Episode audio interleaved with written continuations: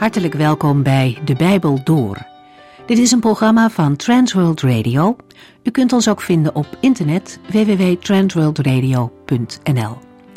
De Bijbel Door is een radioserie die in vijf jaar tijd door de hele Bijbel gaat. Van Genesis tot Openbaring, van kaft tot kaft.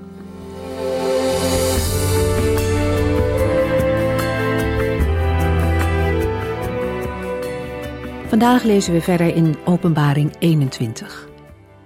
Johannes opent dit hoofdstuk met de woorden En ik zag. Vanaf hoofdstuk 19 begint hij negen keer een onderwerp op deze manier. Dat geeft aan dat de gebeurtenissen die hij hier ziet achter elkaar aankomen. Allereerst is er de wederkomst van de Heer Jezus op de Olijfberg. Alle mensen zullen hem dan in heerlijkheid zien verschijnen. En dan begint het duizendjarig vrederijk. Aan het einde daarvan vindt het laatste oordeel plaats en daarna is er de eeuwige heerlijkheid. In Openbaring 21 ziet Johannes het nieuwe Jeruzalem uit de hemel neerdalen. Zij komt bij God vandaan. Deze stad is de tegenhanger van Babylon, de stad waar we het eerder over hadden. Babylon werd de grote hoer genoemd. Het nieuwe Jeruzalem is de bruid van het lam. Het is een heilige stad, de ware stad van God. Dit nieuwe Jeruzalem is niet een letterlijke stad waar de gemeente woont, maar het is de gemeente zelf. De bestemming van de gemeente is een hemelse bestemming. Ze is bedoeld als de bruid van het lam. Ze zal haar schoonheid en glans niet verliezen met de tijd, omdat haar heerlijkheid van God komt. In de verzen die we vandaag lezen gaat Johannes dieper in op het nieuwe Jeruzalem. Kenmerkend voor de eeuwigheid is dat God bij de mensen zal wonen. Door de hele Bijbel heen zien we dat God graag in gemeenschap met de mensen wilde zijn. In de Hof van Eden bijvoorbeeld wandelde hij s'avonds met Adam en Eva. Later verbond hij zich aan het volk Israël en liet hij Salomo een tempel voor hem bouwen. Maar hier, in de laatste hoofdstukken van de Bijbel, zien we dat het pas ten volle werkelijkheid wordt dat God tussen mensen kan wonen. Er zal dan geen onderscheid zijn tussen de volken. Wel heeft de gemeente als bruid van het lam een andere plek dan de mensen die op aarde zullen leven. We lezen verder uit Openbaring 21.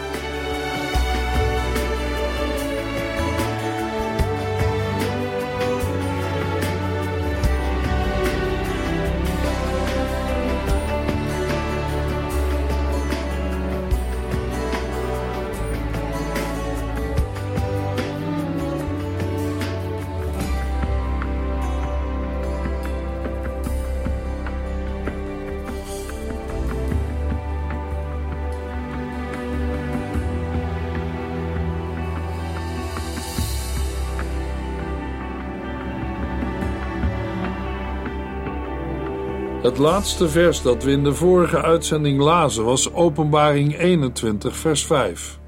Hij die op de troon zat, zei: Ik maak alles nieuw. En hij zei tegen mij: Schrijf het allemaal op, want wat ik zeg is waar en betrouwbaar.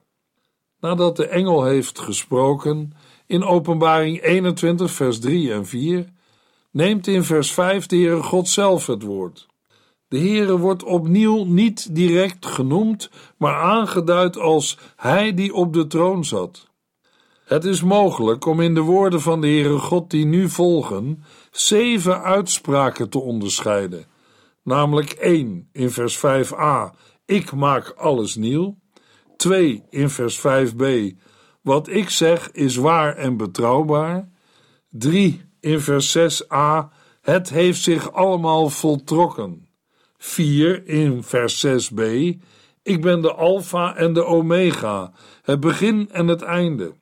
5 in vers 6c: Wie dorst heeft, zal ik water geven uit de bron die leven geeft, voor niets. 6 in vers 7: Wie overwinnen, krijgen dit van mij. Ik zal hun God zijn en zij zullen mijn kinderen zijn. En 7 in vers 8: maar lafaards, trouwelozen, verdorvenen, moordenaars, mensen die ontucht plegen, tovenaars, afgodendienaars en bedriegers staat wat anders te wachten: het brandende zwavelmeer, de tweede dood. Gods eerste woorden zijn een geweldige belofte, die een versterking vormen van Jesaja 43. De Heere God zal het oude vervangen, maar ook zo dat hij alle bestaande dingen zal vernieuwen. Omdat het in vers 5a om een belangrijke en centrale uitspraak gaat, leidt Johannes Gods volgende woorden apart in met en hij zei tegen mij. De woorden vragen om extra aandacht van de hoorders en lezers voor dat wat volgt. Johannes krijgt opnieuw de opdracht om te schrijven. De betrouwbaarheid van de woorden berust op het feit dat de Heere God ze spreekt. Wat hij zegt is waar en betrouwbaar. Net zoals Jezus Christus dat is. Openbaring 21, vers 6. Het heeft zich allemaal voltrokken. Ik ben de Alpha en de Omega, het begin en het einde. Wie dorst heeft, zal ik water geven uit de bron die leven geeft. Voor niets. In de Griekse tekst zien we dat Johannes opnieuw de woorden van de Heere onderbreekt met en hij zei tot mij.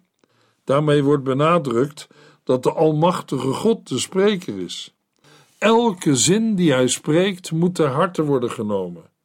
Op welke dingen de woorden het heeft zich allemaal voltrokken betrekking hebben, is uit het verband niet helemaal duidelijk. Het kan slaan op de hele wereldgeschiedenis, maar ook op het tot stand brengen van de nieuwe wereld, zoals dat in de versen 1 tot en met 5 is beschreven. Of specifiek op de woorden: Ik maak alles nieuw.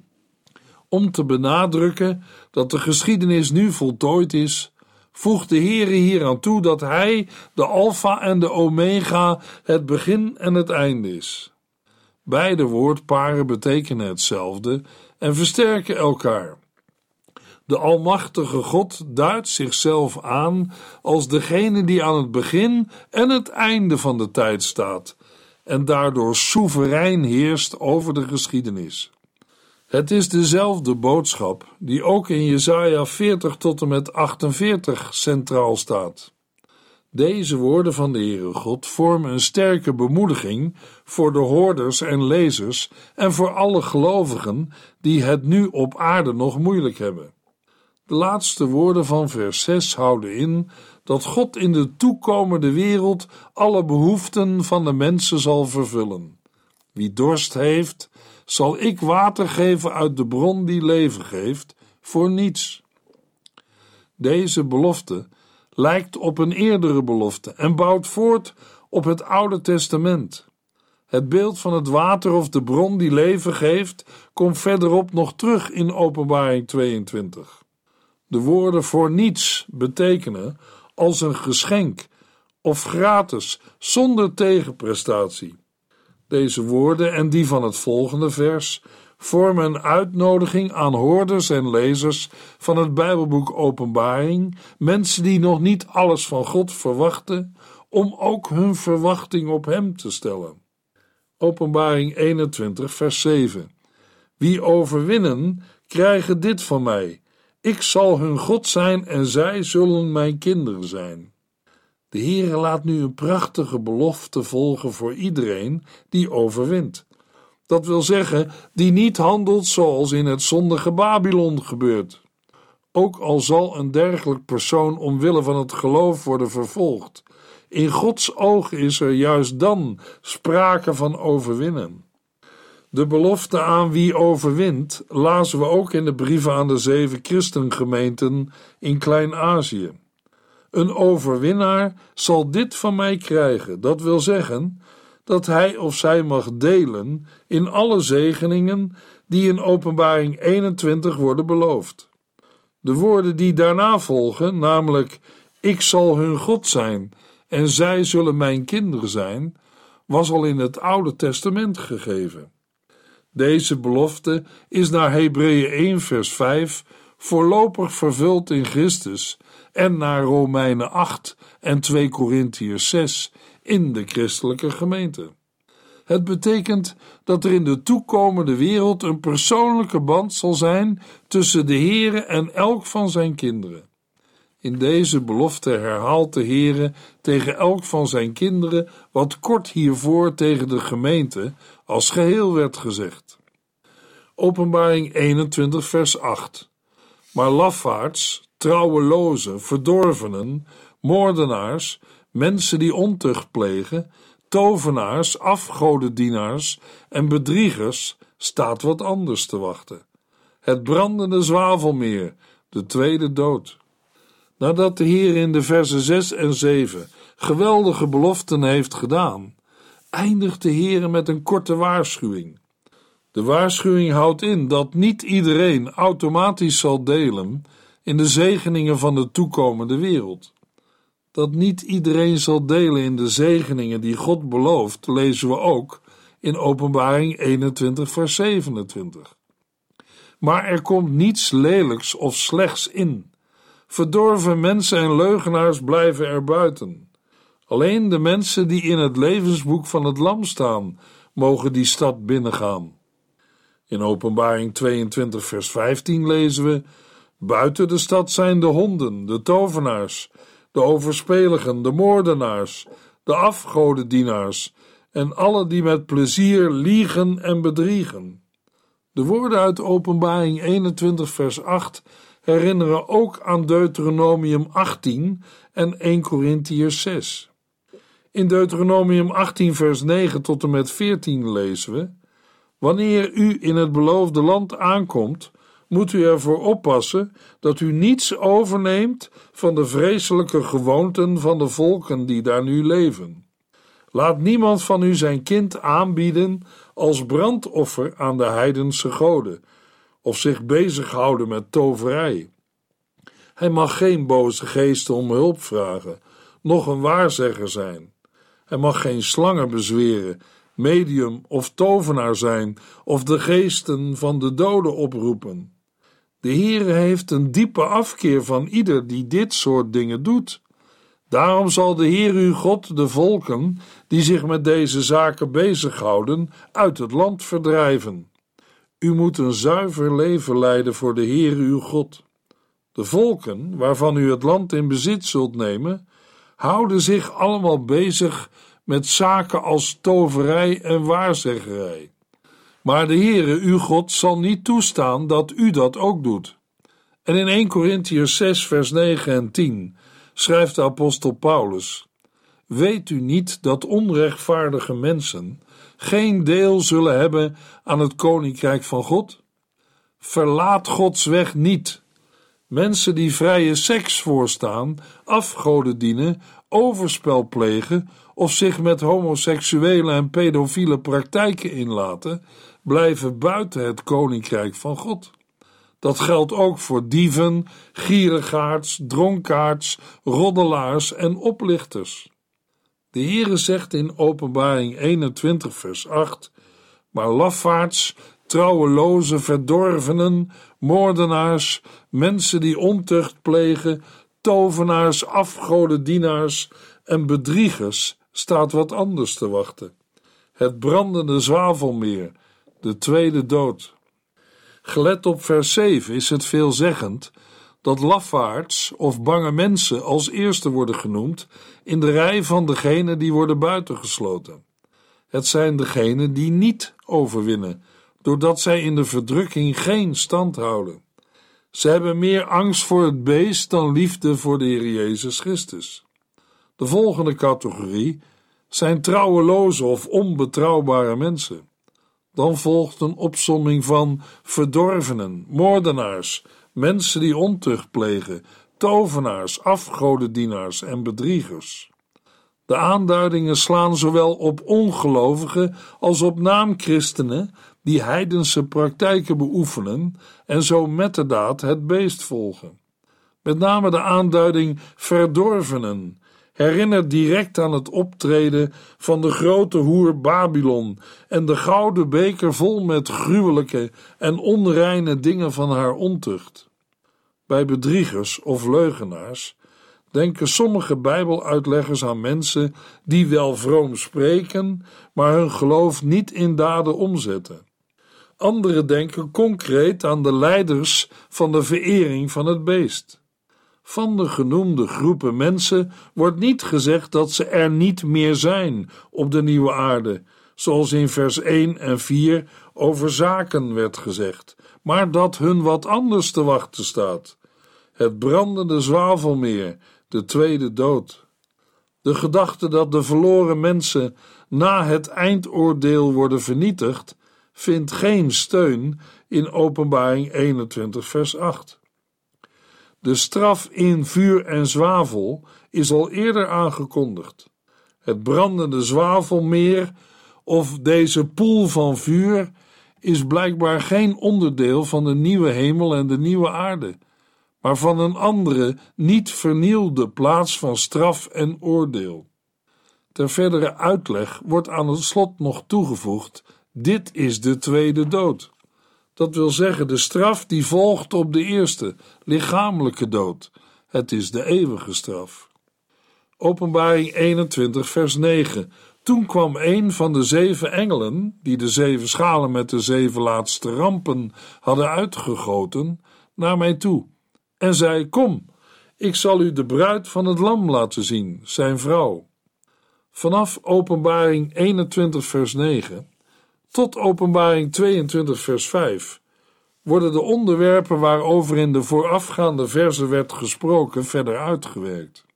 We krijgen een meer uitgebreide beschrijving van de toekomstige wereld, met gebruikmaking van beelden als de stad Jeruzalem, het paradijs en de bruid, de vrouw van het lam. De woordkeus van dit gedeelte herinnert aan het Oude Testament. Allereerst wordt er een engel voorgesteld. Het is een van de zeven engelen die de zeven schalen met de zeven laatste rampen hadden uitgegoten. Waarschijnlijk is het dezelfde engel van het zevental die eerder dezelfde uitnodiging had uitgesproken, waarna hij de verdorven stad Babylon, gesymboliseerd als een vrouw, aan Johannes had laten zien. De inleidende woorden karakteriseren de nu volgende beschrijving van de nieuwe stad Jeruzalem als een bewuste tegenpool van de beschrijving van Babylon. De engel kwam naar Johannes toe en sprak met hem. Het feit dat de engel sprak, wordt in vers 15 herhaald, hoewel we intussen alleen lezen over wat de engel doet en wat Johannes ziet. De engel is in woord en daad de gids van Johannes in de nieuwe stad, zoals ook Ezekiel door een engel langs de nieuwe tempel werd geleid. Het beeld van de gemeente van gelovigen als bruid of vrouw van de Here komt al voor in het Oude Testament en elders in het Nieuwe Testament. Het spreekt van de verkiezende liefde van God voor de mensen. Aan het eind van de geschiedenis van de mensheid zal de bruiloft werkelijk worden gevierd. Dan wordt de bruid bestaande uit alle gelovigen, de wettige vrouw van het Lam, Jezus Christus. Openbaring 21, vers 10. Hij droeg mij in de geest naar een grote hoge berg en liet mij de heilige stad Jeruzalem zien, die uit de hemel naar beneden kwam, van God vandaan. De engel uit vers 9 neemt Johannes in de geest naar een grote hoge berg. Het betreft geen lichamelijke verplaatsing, maar een visioen, zoals Johannes en andere profeten dit vaker ontvingen niet duidelijk is of de berg een uitzichtpunt is waar vanaf Johannes het nieuwe Jeruzalem ziet, of dat de stad op deze berg neerdaalt en wordt gevestigd. Voor deze laatste mogelijkheid pleiten parallellen in het Oude Testament. De niet nader aangeduide berg speelt in het vervolg van dit gedeelte geen rol meer. Wat daarna gebeurt lijkt op wat er gebeurde in Openbaring 5, vers 5 en 6. Toen werd de komst van een leeuw aangekondigd en verscheen het lam. Nu wordt de bruid van het lam, zijn vrouw, aangekondigd en verschijnt de stad, het heilige Jeruzalem. We moeten ons daarom steeds realiseren dat de stad een beeld is van de kerk van de Heer Jezus Christus en geen letterlijke stad. Ook op andere plaatsen in het Nieuwe Testament komen we het hemelse Jeruzalem tegen. Bijvoorbeeld in Gelaten 4 vers 26, waar we lezen: Maar onze moederstad is het hemelse Jeruzalem, en zij is vrij. Zij is geen slavin van de wet. En in Hebreeën 12, vers 22 en 23 lezen we: Nee, u staat voor de berg Sion en voor de stad van de levende God, het hemelse Jeruzalem, waar tienduizenden engelen wonen. U bent gekomen naar een feestelijke samenkomst van Gods oudste kinderen, die in het bevolkingsregister van de hemel staan. U staat voor God, die de rechter van alle mensen is, en voor de geesten van de mensen die volmaakt geworden zijn. Zowel het woordgebruik Jeruzalem als het beeld van de stad duiden op een relatie met het aardse Jeruzalem. Johannes ziet een stad die uit de hemel naar beneden kwam, van God vandaan. De woorden zijn een herhaling van vers 2 en vormen de inleiding tot een uitvoeriger beschrijving van allerlei aspecten van de gemeente onder het beeld van de stad. Openbaring 21, vers 11. De stad schitterde met goddelijke pracht. Er kwam een gloed vanaf als van een zeer dure edelsteen, als van een kristalheldere diamant. In de toekomende wereld rust de heerlijkheid van God, dat wil zeggen, zijn hemelse glans en majesteit, ook op zijn volgelingen. De woorden de stad schitterde met goddelijke pracht horen nog bij de heilige stad Jeruzalem, dat in het vorige vers werd genoemd. Deze schitterende heerlijkheid is het mooie en feestelijke van de bruid. Johannes probeert de nieuwe stad in vers 11 concreter te beschrijven en vergelijkt haar met een zeer dure edelsteen, als van een kristalheldere diamant. Edelstenen zijn blijkbaar de mooiste dingen die Johannes voor een vergelijking ter beschikking staan. Want ook de Heer God zelf beschrijft hij door een vergelijking met edelstenen. Het woord glans of schittering geeft doorgaans een stralend of lichtgevend voorwerp aan. Maar het kan in Openbaring 21 beter als glans worden vertaald. Door gebrek aan exacte omschrijvingen uit de oudheid is het moeilijk vast te stellen welke edelstenen in de Bijbel worden bedoeld. Het kristalhelder zijn kan zowel op de doorzichtigheid als op de glans van de stad betrekking hebben. Duidelijk is dat de gemeente in de toekomst niet alleen zal delen in Gods grote heerlijkheid, maar deze ook zelf zal uitstralen. Openbaring 21, vers 12 en 13. De stad was omgeven door een brede, hoge muur met twaalf poorten, en bij elke poort stond een engel. Op de twaalf poorten stonden de namen van de twaalf stammen van Israël.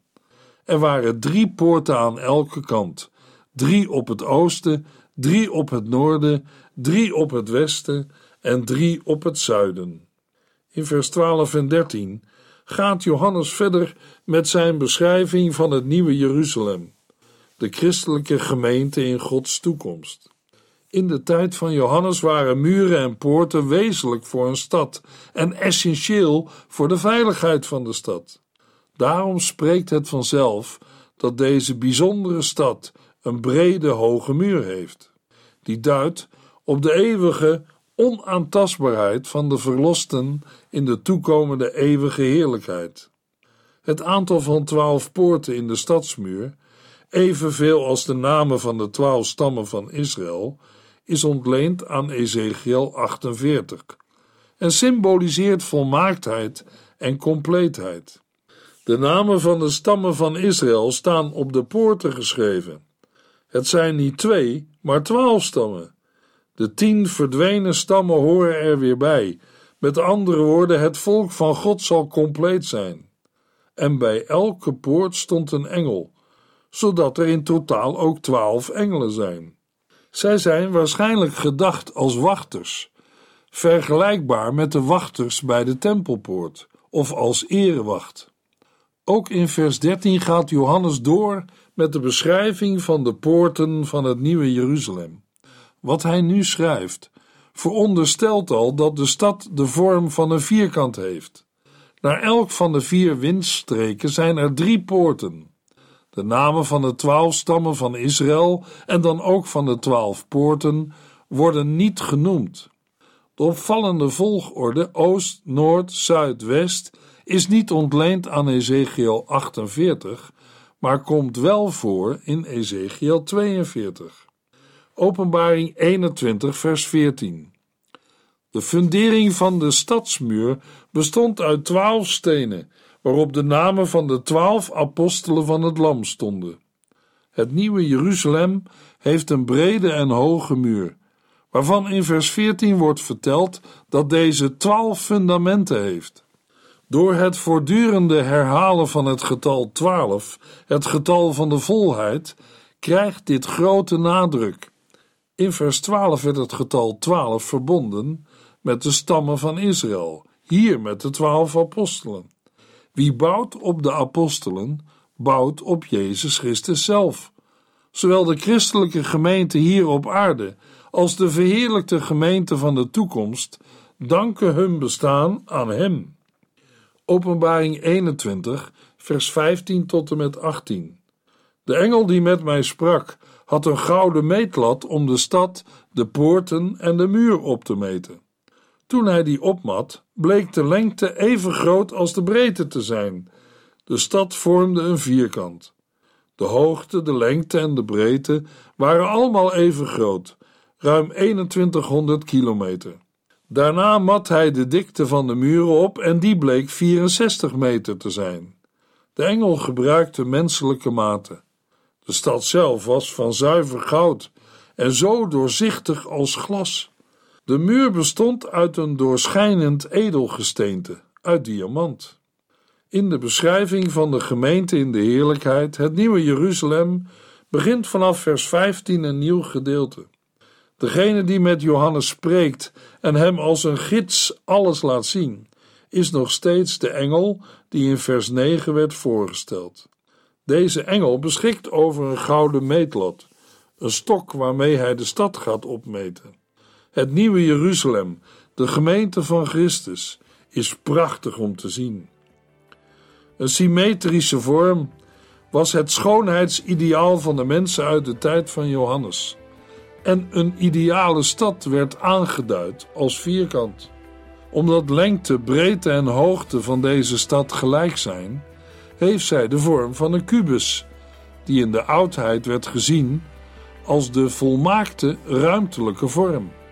Ook het allerheiligste deel van de tempel van Salomo was kubusvormig. De vorm kenmerkt de toekomstige stad als een vervulling en vervanging van het allerheiligste, als volmaakte woonplaats van de Heer. Maar daarover meer in de volgende uitzending.